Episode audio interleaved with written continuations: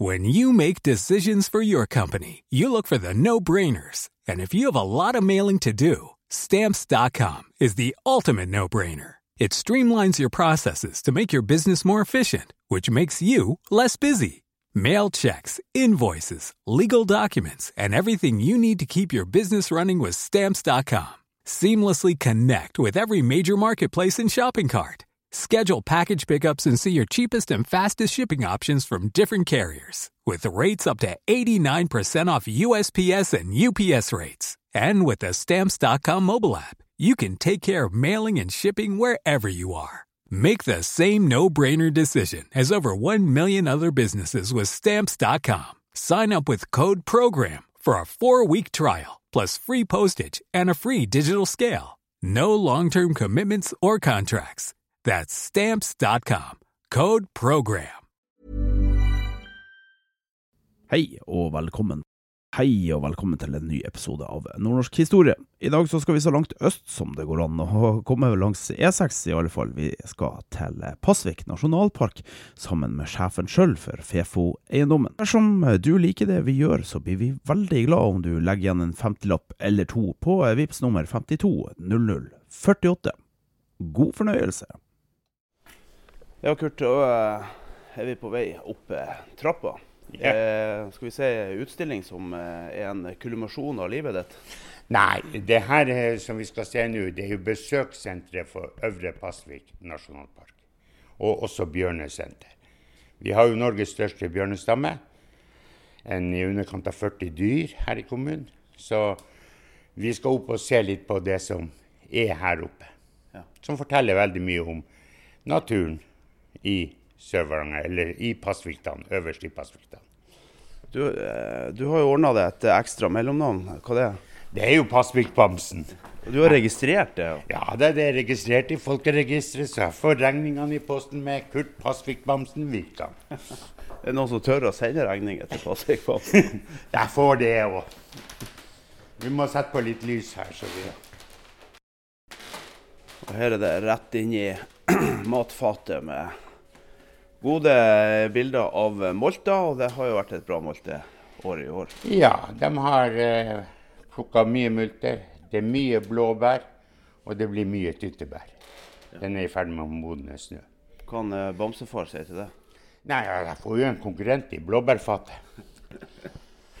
Fordi, for bjørnene et utrolig mye eh, bær, egentlig, Ja, jeg regner med 90 kilo blåbær om dagen. om dagen.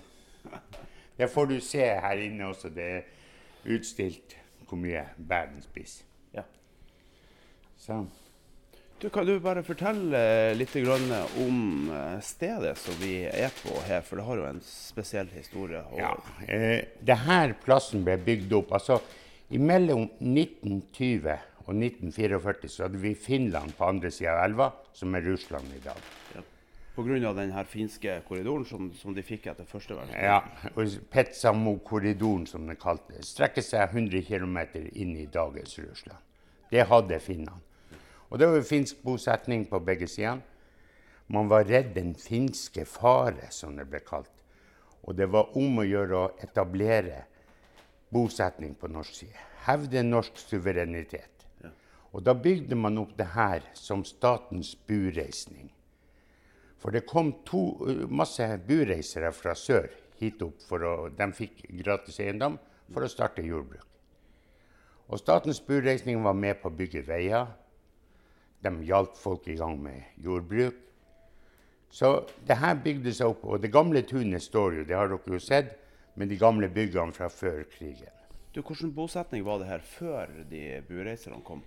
Eh, Den første bosetninga kom hit i 1850, eller 48.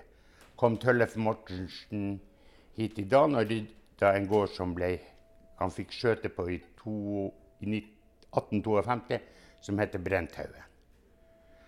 Og eh, det var den første. Og neste som kom, var Hans Kirkegaard, som også ble vår første ordfører. Og han kom hit til Svanvik og satte opp en gård. Han kom fra en trelastfamilie i Drammensområdet. Han var utdanna veterinær. Og han kom hit opp for å, for å eh, starte stort med tømmerdrift. Men så gikk han konkurs, og det er masse ra historie om hva som skjedde. Ja. Mens huset hans det står restaurert bort på krysset. Okay. Det er det store huset på Pasviktunet der som er, var hans bolig. Ja. Men var, var det urbefolkning som bodde her før? Ja, vi har jo skoltesamer som har bodd her i mange tusen år. Altså, Vi har jo utgravninger av boplasser. Det er jo funnet stadig vekk. Også i år har de vært og grovet. Og da er det jo eh, professor fra Tromsø universitet, Bjørnar Olsen, som er veldig glad i det her området. Ja. Og finsk? Ja, finsk. Altså finsk eh, eh, Jeg skal vise deg når vi kommer til et kart. Alle, alle folkeslag som var her. Altså det, det er ikke bare finsk og norsk og, og russisk, men det var nenetsere, det var komier. Altså det var utrolig mye folk. Og så kom det jo nordmenn opp her. Slutten av 1800-tallet, begynnelsen av 1900. Veldig mye ornitologer. For dette området her er helt spesielt når det gjelder dyr- og fugleliv. Ja, jeg ser det. Vi har 237 arter med fugler registrert her. Og mange av dem er østlige, som du finner kun i passviktene i hele Europa. Utenom russisk Europa, da. For det her er ytterpunktet til Europa. Altså. Ja, det her er ytterpunktet. Er det har- stopp? Her er stopp. Og vi har Schengen-grense mot Russland. ikke sant? At det her er ytterkanten av Schengen. Så, så mange ut av de østlige artene finner du her. Og du har jo en hengende der, lappugla. Ja. Nå er den begynt å komme mange plasser. Men det er jo en sjeldenhet som masse fugletittere har kommet opp her for å se. Den er svær. Ja, den er stor. Den er Norges nest største ugle, men den veier mellom 800 gram og 1 kilo. Det er bare fjær på den. Ok. Eh, men så får du sånne sjeldenheter, sånn som to ganger observert her terreksnipe.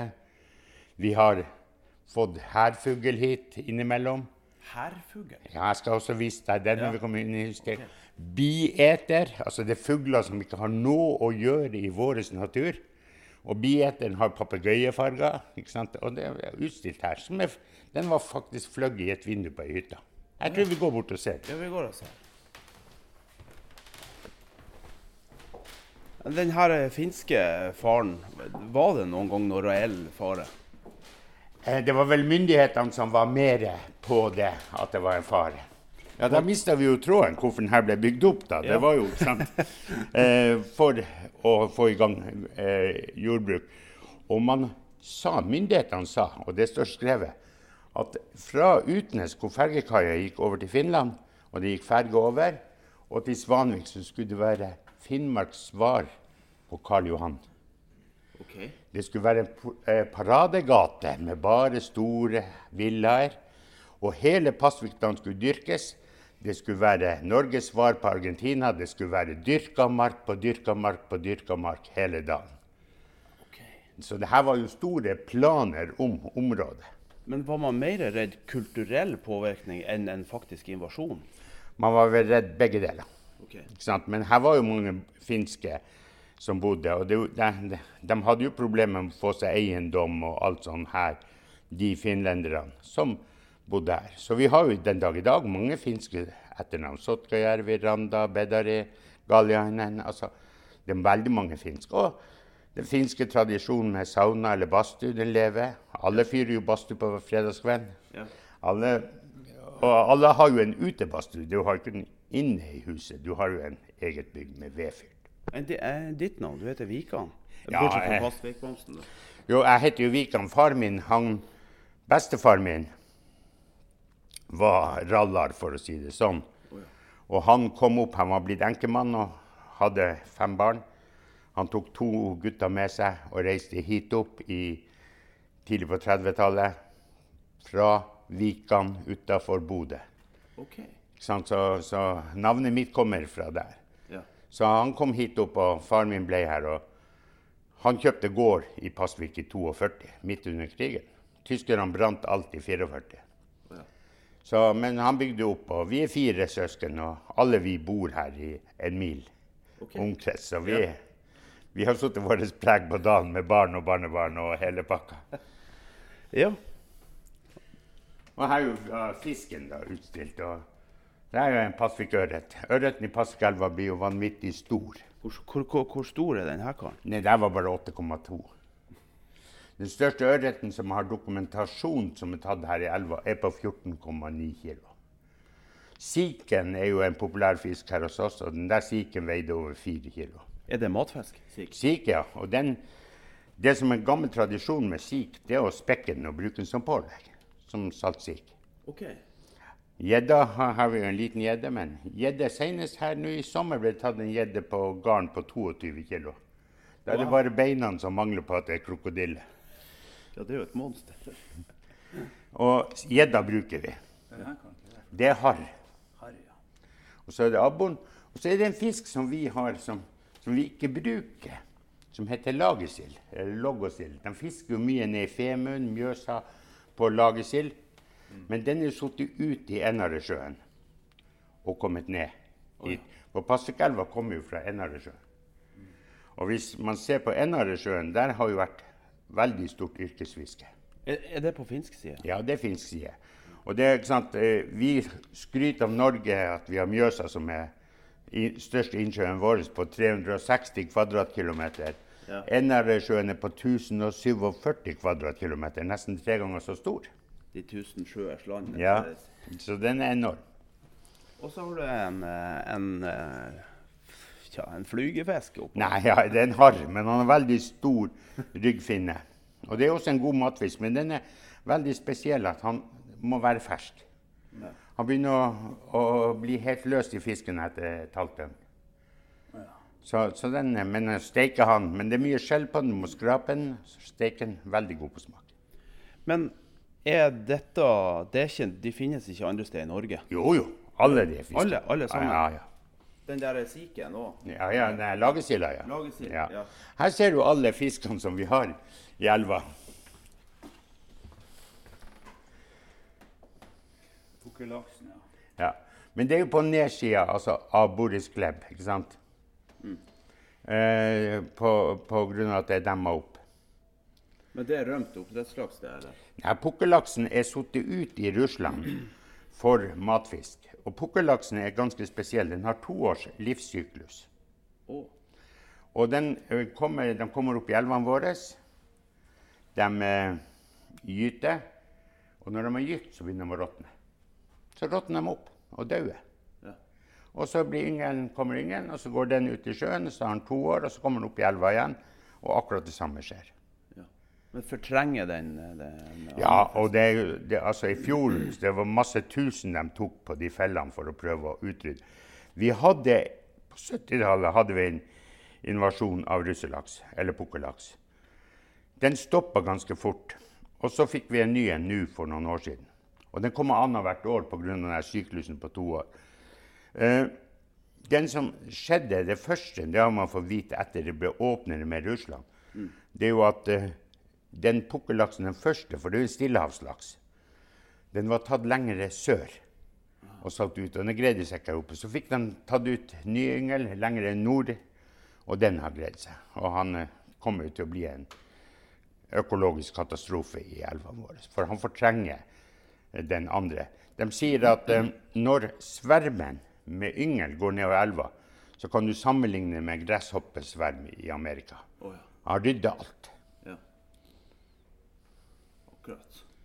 Men eh, eh, blir det satt noe større tiltak? eh? Ja, det er jo gjort det, og det er jo Jeger og Fisk. Og jeg hadde sjøl fem stortingspolitikere oppe her i juli måned hvor vi jobba veldig med det her. At man må få myndighetene med på tiltak. Ja. Ikke sant? Altså, det er ikke nok å si at det her er bra arbeid Jeger og Fisk gjør på dugnad. Man må ha støtte. Og, for de har satt opp feller. Så, og de røkte de fellene. Så villaksen, den naturlige at atlanterhavslaksen, den slipper de ut og videre oppover, så stopper de pukkellaksen. Ja. Og når han kommet i elva, da har han begynt å gå i forråtnelse allerede. Så da har han ikke matfisk. Men tar han i sjøen, så har han kjempematfisk. OK, ja. ja. ja for eh, han har i hvert fall kommet til Syltefjord, ikke det? Jo da, han har vært tatt sørover. I fjor ble det tatt to i Akerselva. I Akerselva? Ja, så han er jo kommet litt sør. Ja. Det må jo komme. Ja, det var de fuglene vi skulle se på. Ja. Og Der er det jo eh, du oppi treet. To, ja, to jeg, kan ta, jeg kan ta den historien, men det der Ja. De der to bjørnungene For de er ekte. viste de ekte. Ja. I 1995 så var det en hyttenabo av meg på skitur. Og han eh, kom eh, med, hadde hund med seg, så be- begynte hunden å snuse på et hull i sneen. tenkte han å, det er en kilde, det er fint å ha til sommeren når jeg går på bærtur. Så han tok skistaven så borti det hullet og så skikkelig kakk nedi der. Og så sa det Wah! Og ut kom det en binne. Og kjerringa hans hun ramla. Men Bjørn kom jo ut, ikke sant, ble vekt. Det her var 4. april. Skulle sove sin vintersøvn. Og bare la ned, kryssa veien. Det kom en bil til meg og sa Kurt, det kryssa en bjørn bort på, vei, eh, bort på jorda di. Nei, sa det er ingen bjørn ute nå. Jo, jeg for bort og spor. Jeg har en bjors, bror som har drevet med bjørneforskning siden 68. Som er ganske Norge, en av Norges beste på bjørn, for å si det sånn. Eller. Ja. Og han kom jo, og vi for opp på kvelden, ble opp til hiet. Og til slutt så var det noen som krøp inn i hiet, og der var lå de to bjørnunger. Var de døde allerede? Nei, de var i live. De var i live der i tre dager før de ble avliva. Man håpa mora skulle komme tilbake til hiet, men hun grov seg ned i et nytt hi. Eh, Det er sånn at bjørn det er som oftest bare binnene som graver hi og føde unger i dem. Hannbjørnene kan la seg sne ned under en rotvelt, under en stein, og bare sove der. Men binna, så sier folk, har den ikke motfølelse, kan den forlate eh, eh, ungene på denne måten. Men så er det sånn, og det skal vi også se når vi kommer lenger ut i utstillinga. Bjørn har løpetid rundt sankthans. Og hannbjørnene kan drepe ungene hvis hun har unger, for å pare seg med mora. Mora kan ha tre unger med tre forskjellige fedre. Det er jo også ganske spesielt, for egget løsner. Og når det har blitt befrukta, så blir det liggende i eggstokken. Og da kan det komme en ny hannbjørn og befrukte neste egg og tredje egg. ikke sant? Det kan jo få tre-fire unger. Og så ligger de ned i eggstokken, så går de ned samtidig. Så, så, så de, prosessen starter samtidig, men det kan være tre forskjellige fedre. Men hun blir da para rundt eh, sankthans. Og så krever hun hi. Og om vinteren så føder hun unger i månedsskiftet januar-februar. De er så store som kattunger. Hårløse. Mens mora sover, så blir de født. Ja. Og så finner de veien til pattene, og så er de inne i hiet i lag med mora. Mora sover. Først når hun er ferdig med vintersøvn, så er det liksom Oi, jeg har fått tre unger i vinter. Så, så, så derfor har ikke hun opparbeidet noen morsfølelse for de her ungene sine. Og det, er jo, det her er jo en eh, del av grunnen til at vi får nærgående bjørner. Sånn som det, de der to. Der var det skuterløype 20 meter fra hiet. De har ligget i hiet, våken mens mora sover. De hører motordur.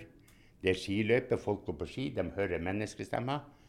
De er på den tryggeste plassen de kan være i livet. Og de mister da sin skyhet for mennesker, for det her er ikke farlig. For det her har de jo hørt hele tida. Så det er jo sånn det skjer, ikke sant, at, det, at eh, man får nærgående bjørner. Og det har vi jo hatt. Vi har hatt bjørner som har gått i barnehagen, som ble skutt midt inne i boligfeltet i blomsterbed. Sant? Men vi har vært heldige. Vi får fellingstillatelse på nærgående bjørner. To år siden oppe på Vagatem, campingplassen, der klatra han opp i treet på sommeren og rana fuglemateren. Altså, rett utafor hytta. Hvor folk, ikke sant? Og de her bjørnene, vi har jo en bjørneskremmegruppe som prøver å skremme dem. Men de mister som oftest ikke sin skyhet når de kommer tilbake, og da får vi fellingstillatelse. Ok. Vi har hatt bjørner i søppeldunkene og alt sånt her. ikke sant? Altså, vi skal ikke ha det sånn. Men er det, vil de spise mennesker, eller er det bare slåss litt? Altså? Eh, stiller du til disposisjon og prøver? Jeg kjente litt på det i går når jeg gikk det. Og du bare Ja, bare gå, gå her, det går kjempebra. Plutselig var jeg midt i skogen, og da ble jeg sånn hmm. Nei, altså, vi har jo ikke hatt noe angrep av Vi hadde ei dame som, som ble angrepet av bjørn. Men det var ganske Hun skjøt den med hagla, faktisk. Eh, man anslo at det var på én meters hold. Det, men det er jo en annen historie, og det er ikke mange år siden. Så ei som var på jakt. Men da, da kommer hun gående med hund, og det ene kratt, eller kratt på litt over mannshøyde. Det bjørn gjør når den blir skremt binna, så jager hun ungene opp i et tre, og så går hun en annen vei. Men her var ikke noe trær å jage ungene oppi. Så hun sprang mot det her mennesket som var på jakt med hund. Og hun hadde stor fugl, slugs, eller hagle, hagl i, i geværet, så hun skjøt. Så sprang hun ned til veien, ringte politiet, sa jeg skadeskutt en bjørn. Ja. Og politiet kommer, der ligger bjørn med en kulehull i panna som er femkroning. Ja. Og den pappen som er på, på, på haglpatron, ja. den sto i nakkevirvelen på bjørn. Så hun har vært nært. Derfor kan de anslå meter, én meters avstand når hun har brent av. Eh, det kan ha vært et skinnangrep. Det er jo det bjørn ofte gjør for å skremme. At den enda skulle dreie av. Ja. Men hvor lenge tør du å stå? Nei.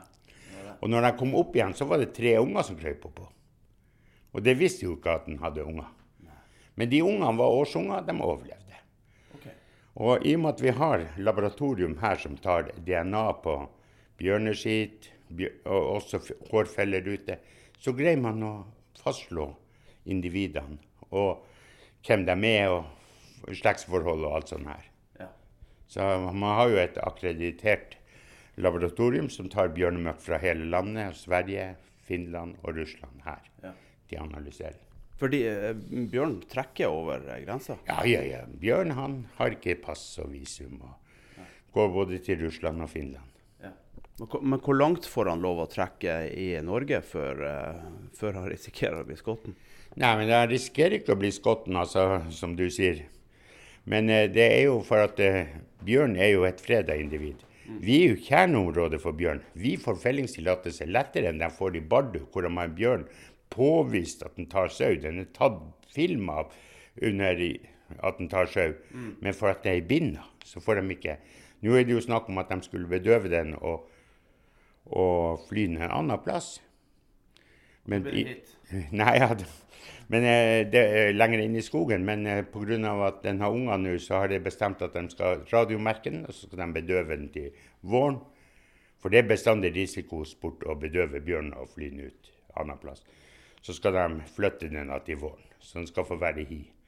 Men eh, der er de ganske fortvilt bøndene, for de ikke får ja. lov å felle den. Ja. Mens her hvor vi er kjerneområdet, her får vi en ganske grei fellingstillatelse. Men her er ingen som driver med sau heller. Nei. Det var slutt allerede på midten av 70-tallet, for det ble jo bare bamsemums. Men, eh, men eh, villsau har de? Ja, vi har noen få som har uh, villsauer. Men, men uh, jeg har søskenbarn som hadde noen villsauer på en holme her. Og der kom det en bjørn og alfahann her og tok alle sammen. Så han tar villsau òg? Ja, ja. Men altså, i, i naturen så greier den å stikke av. For den er rask å springe. Men bjørn er jo rask å springe. De har målt bjørn til 60 km i timen. Helt sykt. Så, så, så, men uh, i naturen greier den Men den her var på en holme, og da var det naturlig at den ikke kunne stikke av. Den ble. Ja. ja. Klart. Nå var det jo en uh det var vel en nederlender faktisk som nettopp ble spist på Svalbard av ja, det var isbjørn. Kvit, kvitebjørn. Ja, det, det, det, er litt annet med isbjørn enn en, en, tilgang på mat, kanskje? Jo, men det er mye mer rovdyr enn vår brunbjørn. Ja. Altså, vår brunbjørn er egentlig redd menneskene. Altså, jeg er sikker på når du gikk i går, hvis det hadde vært bjørn her i nærheten, så hadde den holdt seg unna. Ja. For den hører deg. Ja. ja. Og kanskje ser det, uten at du ser den. Men eh, hva er historien til parken? Hvordan kom det i, i gang? Ja, altså, eh, allerede i 1936 så var det en som heter Carl Skøyen, som ville opprette Øvre Pasvik nasjonalpark. Ja. Men eh, han fikk til han døde tidlig på 50-tallet. Men eh, parken ble oppretta i 1970, så vi har 50-årsjubileum i dag. I år. På lik linje med Stabbursdalen og Ånderdalen på Senja. Ja. Så vi har tre som ble utnevnt i statsråd 6.2 i 1970. Ok. Men, vi hadde en utvidelse av parken i 2003. Han Brende var her og utvida den. Så vi har jo en stor park. Og vi har faktisk det vi har som er spesielt hos oss i parken, det er jo at vi har det største urskogområdet av furu. Hvor du har furu i alle eh, fasene. Altså ifra de er bitte små til de vokser seg opp til hogstmoden, tipper, blir liggende som grå kjemper i naturen og forråtner. Og du får alle de her prosessene. Så, så vi er det største eh, urskogområdet av bjørn i hele, nei, av furu i hele Norge. Vet du hvor, hvor stor parken er? Jaha, den er eh, 121 kvadratkilometer, mener jeg. Ja. Sånn. Det, det er svære områder som man glemmer Ja, er med her. Man, man glemmer, og det er stort. Altså, det er jo Det er jo eh, Men det er så stort her. altså Man glemmer jo, særlig når man sitter nede på det store Østlandet, som man tror er så enormt, så glemmer man faktisk hvor stort Troms og Finnmark er. Hvis man ser på den sammenslåtte fylket vårt, som er Troms og Finnmark nå, så er vi faktisk en fjerdedel av Norges landareal. En fjerdedel! Det skjønner de ikke. De tror at Finnmark er en liten fjert oppe i nord. Ikke sant? Men vi er enorme. Ja. Jeg så det var en som hadde laga et sånt kart, over seg selvfølgelig bare for å provosere. Men han la alle de andre fylkene inn i de nordnorske Ja. fylkene. Ennå var det masse plass. Så Ja. han begynte å legge inn flere, flere land. Og. Ja. Nei, Men du jo imot den sammenslåinga? Ja, det var vel jeg som var, fikk eh, folkeavstemninga. Det var jeg som hadde forslag og fikk gjennom folkeavstemning mot tvangssammenslåing. Ja. Men ble dere hørt? Nei. Men nå eh, er det slått i revers, eller? Ja, vi har jo bedt om oppløsning fra fylkestinget. Jeg sitter jo også i fylkestinget. Og eh, vi må jo bare få en ny regjering til neste år, så vi får reversert det. Ja, det tror jeg Det ble en politisk podkast. Ja. Her skal vi se litt på, på fuglene. Skal vi se. De har jo Her har du en hærfugl. En hærfugl. Å, har du sett? En hærfugl, ja. Det er altså en, som er papegøyer med spist eh, Her har du en bieter. Ja, det er en tropefugl. Ja. Wow. Og det er de fugler som er tatt her. Ja. Er det pga. klimaet at de kommer hit, eller? Ja, og at vi er langt øst. Vi er også langt sør i forhold til resten. Men ikke sant? Det, er jo østlige fugler som ofte kommer oppover her. Ja. For det ville seg litt. også. Å, fantastisk. Og det, det er jo ikke fugler du forventer å finne i norsk fauna Nei. når du ser på dem. Så, hadde blitt skremt hvis jeg hadde sett en sånn i skogen. ja. Vi skal, jeg må slå på medievis. Ser jeg glemte å Ja. Skal vi ser jo eh, kartet her, hvor, eh, Ja, du må trykke på knappen. hvor langt eh, ut Hva? Trykk på knappen. Å ja, se her, ja. Det her er sangsvanen. Blåstrupe. Å ja, den viser hvor eh, Akkurat det er altså lys som slår på hvor henne de forskjellige fuglene er. Og nå slo han Lars på eh, Blåstrupe. blåstrupe, og da går den ifra Der er vi. Ja, da går den ifra Pasvik, altså Murmansk og eh, Kula og, og helt til eh, Islamabad. I, nei, enda lengre. Nede i Pakistan, ja. Fantastisk. Fjellvåk, ja. Går ned til Hviterussland. Stilig. Oi, Oi, og der har vi en Hva det her er slags fugl som går helt til? Helt ned til Langt ned i Blåland har eh, gjøken eh, trukket. det var jo fantastisk. Eh, kar, det kar, kartet her. Ja. Oh, ja. Den går jo østover Lapsanger. Ja. Ja, helt ned til Indonesia Ja. de her. Åh, Rødnebbterne. Rødnebbterne går helt ned til Antarktis.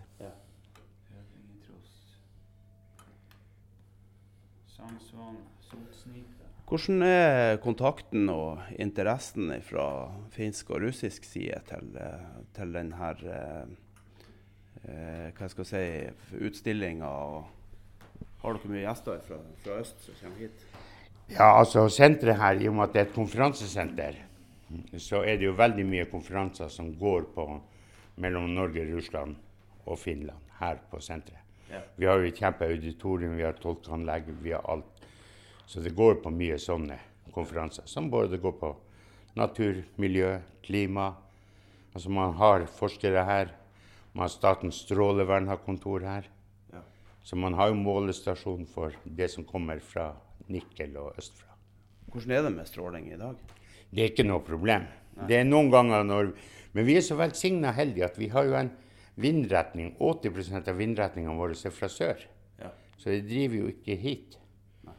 Så, men eh, her på 80-tallet så fikk vi jo merker vi sviskader på skogen og litt sånn her.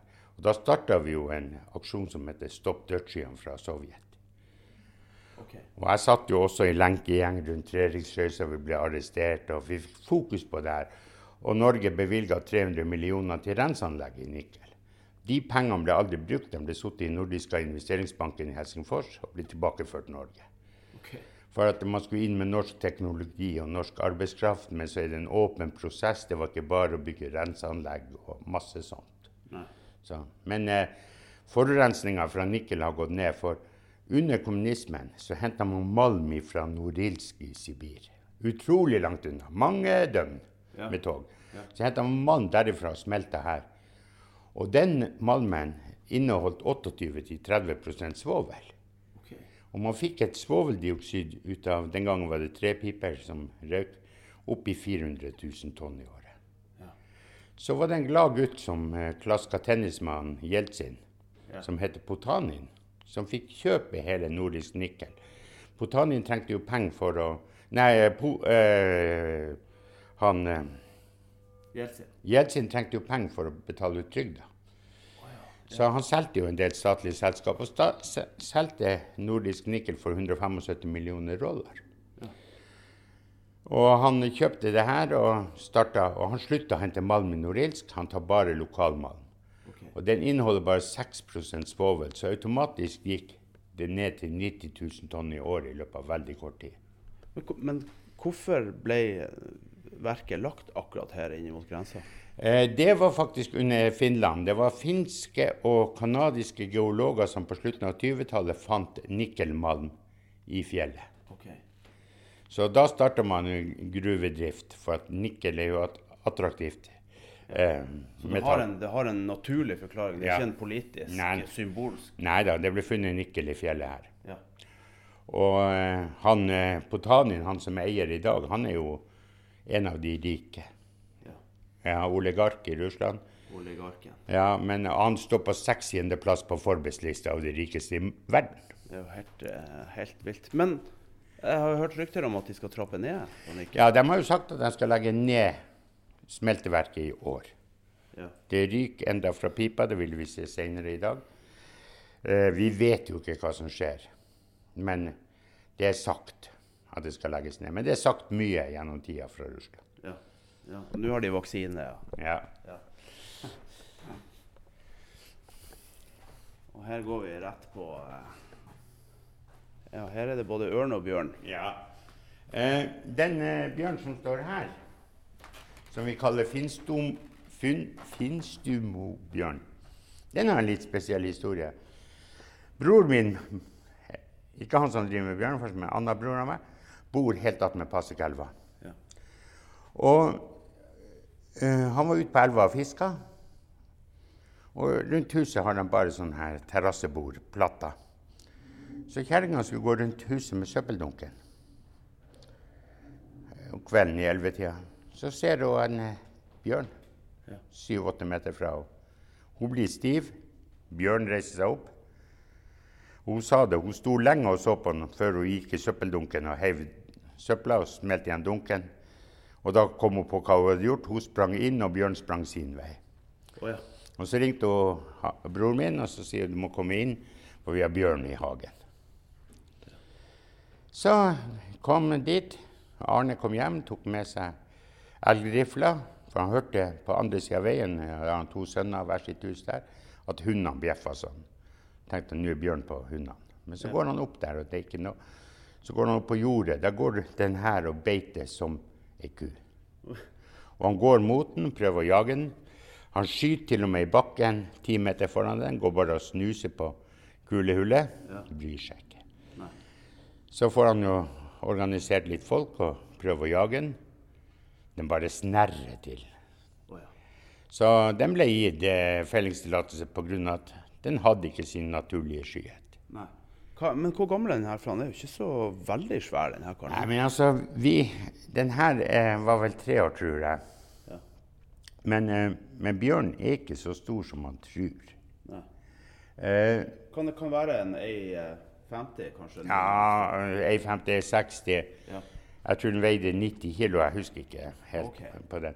Men altså, man ser som oftest bjørn stående på to, og den er 240-220 høy, ikke sant? Han står med gapende kjeft. Ja. Men det er ikke sånn bjørn er. Og det som er det rare, jeg har jo sett bjørn mange ganger, og så følt den, når den her går ut i vill, jeg kan vise deg bilde av den etterpå, så ser den mye større ut.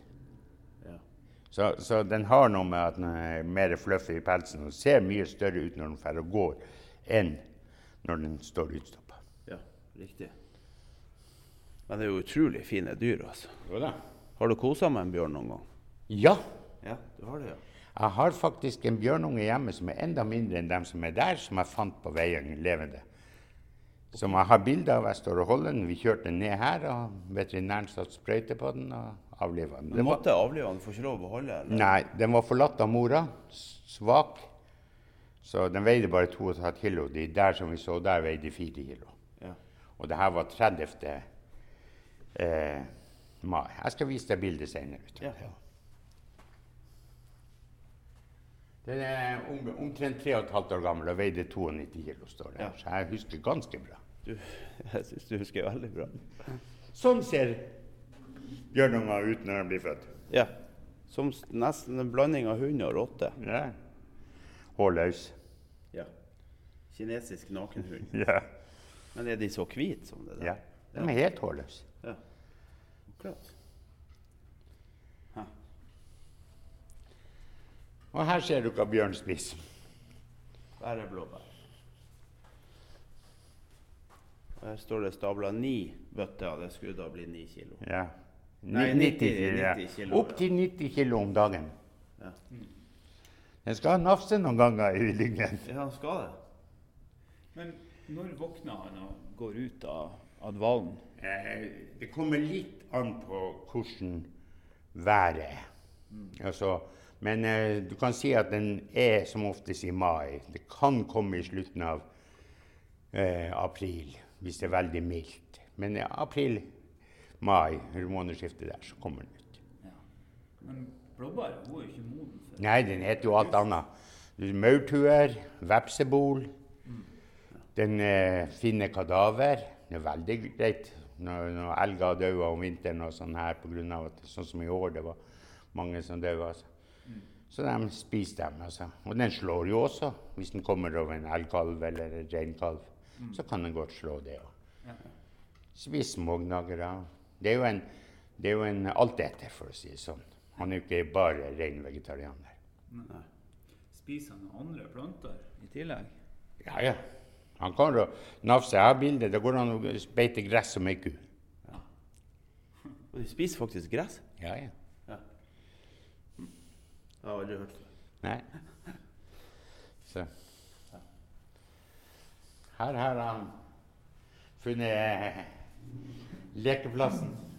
Ja. Det er ganske fantastisk, den her. Hva er det her for noe? Det er sandkassa. Ja. Det her er sensor som måler høyder på sanda og sandkassa. Og en datamaskin lager det her da om at det blir en en vann plutselig. ikke sant? Så du, du kan forme det her, og så får du se hvordan naturen lager det. Ja, akkurat. Hva som er nedbørsfelt og Her står ungene og holder på. Ja, ja. Stilig. Trykker på den blå knappen, så lager du regn. Og gule, så tørker du sanda. Så ser du det endre seg, ikke sant, og det blir Kan vi få regn nå? Har de lagd et vann der?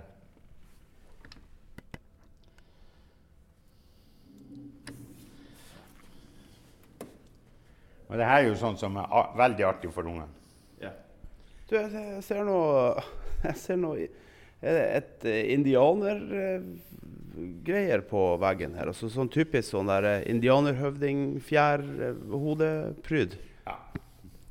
Det her går litt historisk på bjørn og, og i mytologi og folkekultur i hele verden. ikke sant? Hva man har tenkt litt på når det er bjørn. Så dere har ikke hatt indianere her? Det har vi òg. Vi, vi har jo så her er Pasvik Bamsen, og vi har vel noen indianere også gående her. Nei, men det, det går på, på liksom overtroen og alt det her med bjørn. Ja. Alt ifra teddybear For bjørn hadde en veldig stor rolle i den samiske kulturen. Ja, ja. Ja. Og Bjørn har jo Altså Den er jo ikke dum. Den er jo, det, det, det er jo Den er jo lur, for å si det sånn. Altså, han er jo intelligent. Um, men jeg husker å ha sett at det var noe slags uh, inngang for, uh, for bjørn i, i Gammen på, på Saltfjellet. De har jo bygd noe sånn Det er så mange år siden jeg har vært der, men eh, var et slags ritual av noe slag de hadde. Ja, det har ikke jeg hørt om. Nei, Nei. jeg må undersøke. Ja. Ja. Men bjørn lager jo som oftest eh, hi og under ei rot eller noe sånt. Vi har faktisk en sti her som er halvannen kilometer for å gå til et bjørnhi. Det er identisk. Ja. Så, så vi har jo, og det ligger jo også bare under en kilometer fra vei. Ja. Ikke sant? Og det er jo det som jeg sa i sted også, at de mister sin skyhet på grunn av Og, men de her brukte det Hannbjørnene kan finne på å gå og legge seg i de? Ja, hannbjørnene kan legge seg overalt. Han kan finne et, kunne rotvelt og se furu som ligger, så legger seg under der og la seg sne ned. Ja. Under en stor stein. Høres nesten deilig ut. Ja. Det har vært deilig å sove åtte måneder. Ja, det må være herlig. Hvis man bare fikk lov å ta det igjen, så. yeah. um, her er det bamser, og så har du fått opp en runebomme. Er det en ekte runebomme? ja, det regner jeg jo med. Ja. Hvor er bjørnen henne på runebommen?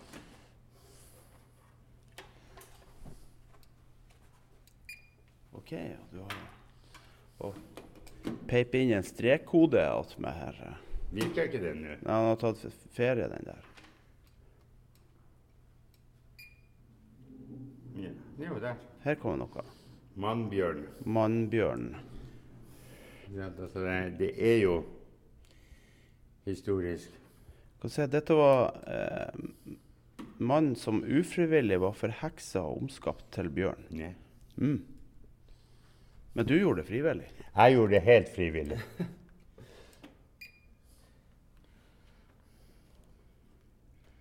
Der har du hvorfor du har fjærpryden. Ja. Indianere i, i Nord-Amerika behandla grizzlybjørn med særlig ærefrykt og respekt. Ja. Ja. Har du Men eh, den, den her eh, runebommen De tegnene som eh, er på, yeah. er det noe som Er det det du ser, eller må man tolke det på et annet vis? Akkurat den der biten er ikke jeg sånn veldig Men det, det, det er jo tolking av det. her. Du har jo reinsdyr, du har mann, og du har Ser ut som ei lita kirke du har her. Ja, det er nok ikke noe kirke, men Og så er det en enhetshua du har her.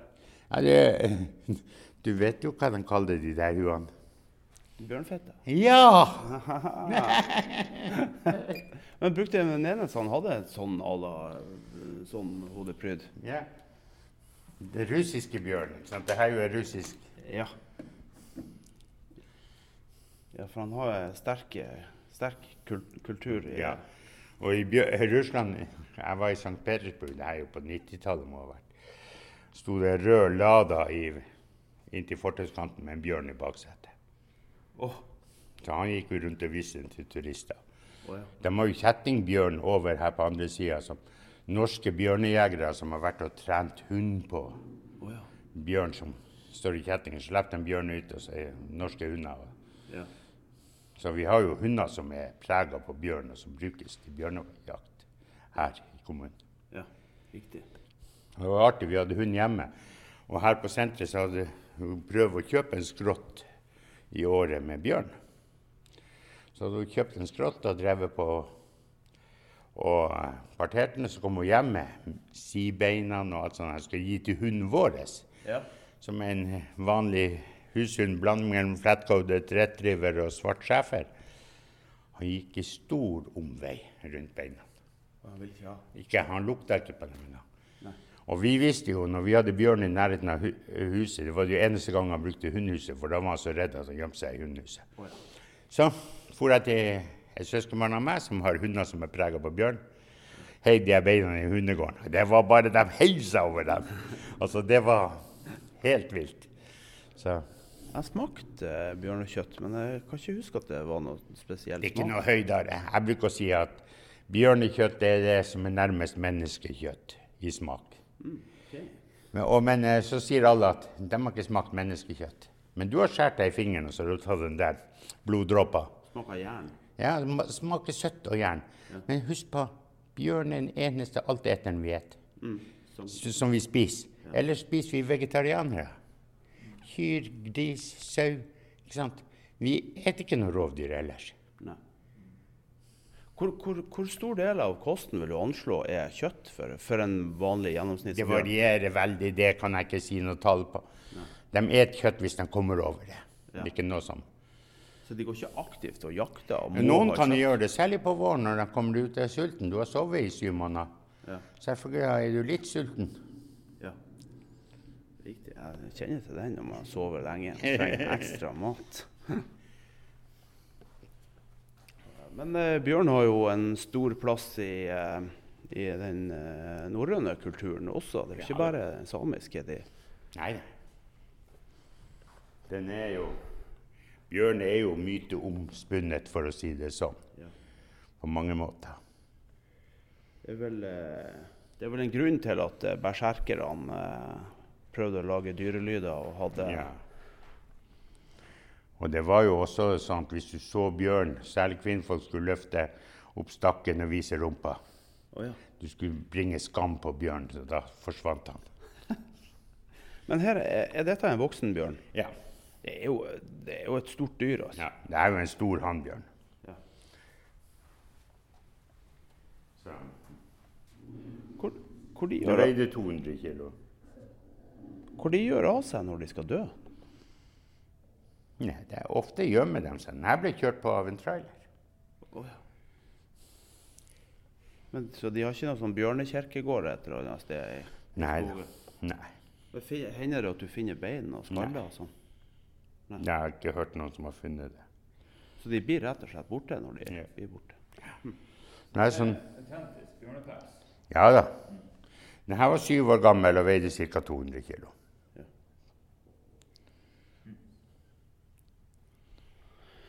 Ja.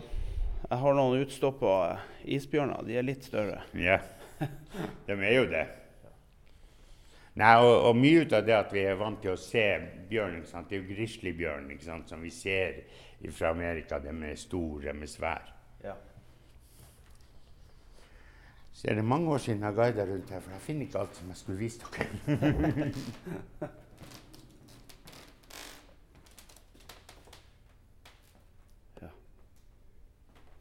Men det er jo ei utrolig fin eh, fin utstilling, det her. Ja. Og her er et annet dyr som ikke du har sett, Ja. som vi har her. Det er bevens lille fetter, som heter bisam. Blir som. Bisamrotte. Ja. Og den kommer jo også østfra, på lik linje med mårhund, kongekrabber, som kommer østfra. Og den her satt ut pga. pelsen i Russland. Dette er en vegetarianer. Han har ganske lik bomønster som en bever, med at han lager seg bo med inngang underfra og ligger der tørt. Eh, det er veldig dårlig å gå, dårlig på land, men en utrolig god svømmer. Han er spiselig, og derfor vi kaller den for bisam og ikke bisamrotte. For det har noe med ordet rotte, det spiser du ikke. Ikke sant? Så det her er eh, en eh, vegetarianer som lever i vannene våre. Men eh, jakta dere på den? Det er ikke mange som jakter på den. Men er det lov å jakte? Ja da, den er jo svartlista. Det er ikke noe Å ja, så du kan egentlig skyte så mange du vil? Ja, ja. Er det mange av de her artene som vi har sett som er svartelista? Nei, det er jo Det er jo mårhund, det er kongekrabbe, og det er bysammen, bisammen, ikke sant, som ikke er Ja. som ikke er naturlig vår. Har dere den mårhunden her nå? Nei. Eh, mårhund kommer jo Den første mårhunden som ble tatt her i Norge, var eller funnet her i Norge, det var en tidlig på 80-tallet som var gått utafor en skrent. Bort på Jakobsnes utafor Kirkenes. Ja. Så har det vært år om anna mårhund her. Hvem er han der, Jakob? Jakob, ja. Det er mange Jakober. er, så, så det går jo igjen Jakob. Ja, Så det er ikke én person Nei. som har gjennom? Okay. Det samme, vi har masse Ellenvann, Ellentjern, Ellenholmen. ok. Så, og hvem er Ellen? Nei, jeg ser det. Men jeg kan jo ta en liten sånn historie med det der eh, eh, med, med, med, med Jakob. Ja. For at eh, for en del år siden som var leder av forsvarskomiteen en som heter Johan J. Jacobsen. Jaha. Ja. Og han var oppe her på garnisonen i Sør-Varanger, og de tigde penger til et eller annet.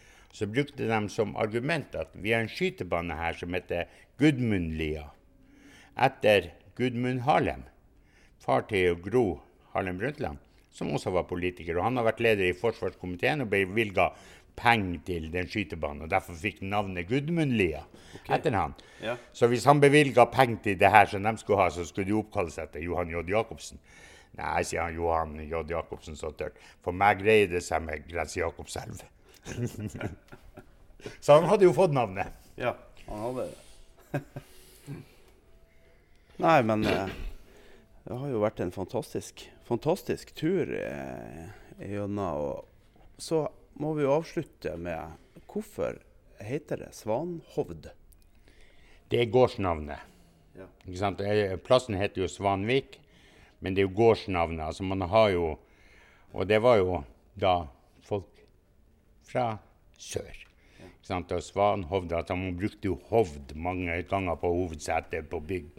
Og det her var jo Svanhovd på Svanvik. Ja. Så, så, så navnet er nytt, det er ikke av gammelt av? Det har ikke vært et hov her? liksom? Nei da. nei.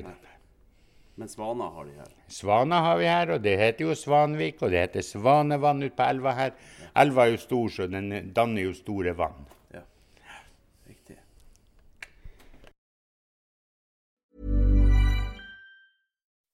When you make decisions for your company, you look for the no brainers. If you have a lot of mailing to do, stamps.com is the ultimate no brainer. Use the stamps.com mobile app to mail everything you need to keep your business running with up to 89% off USPS and UPS. Make the same no brainer decision as over 1 million other businesses with stamps.com. Use code PROGRAM for a special offer. That's stamps.com code PROGRAM.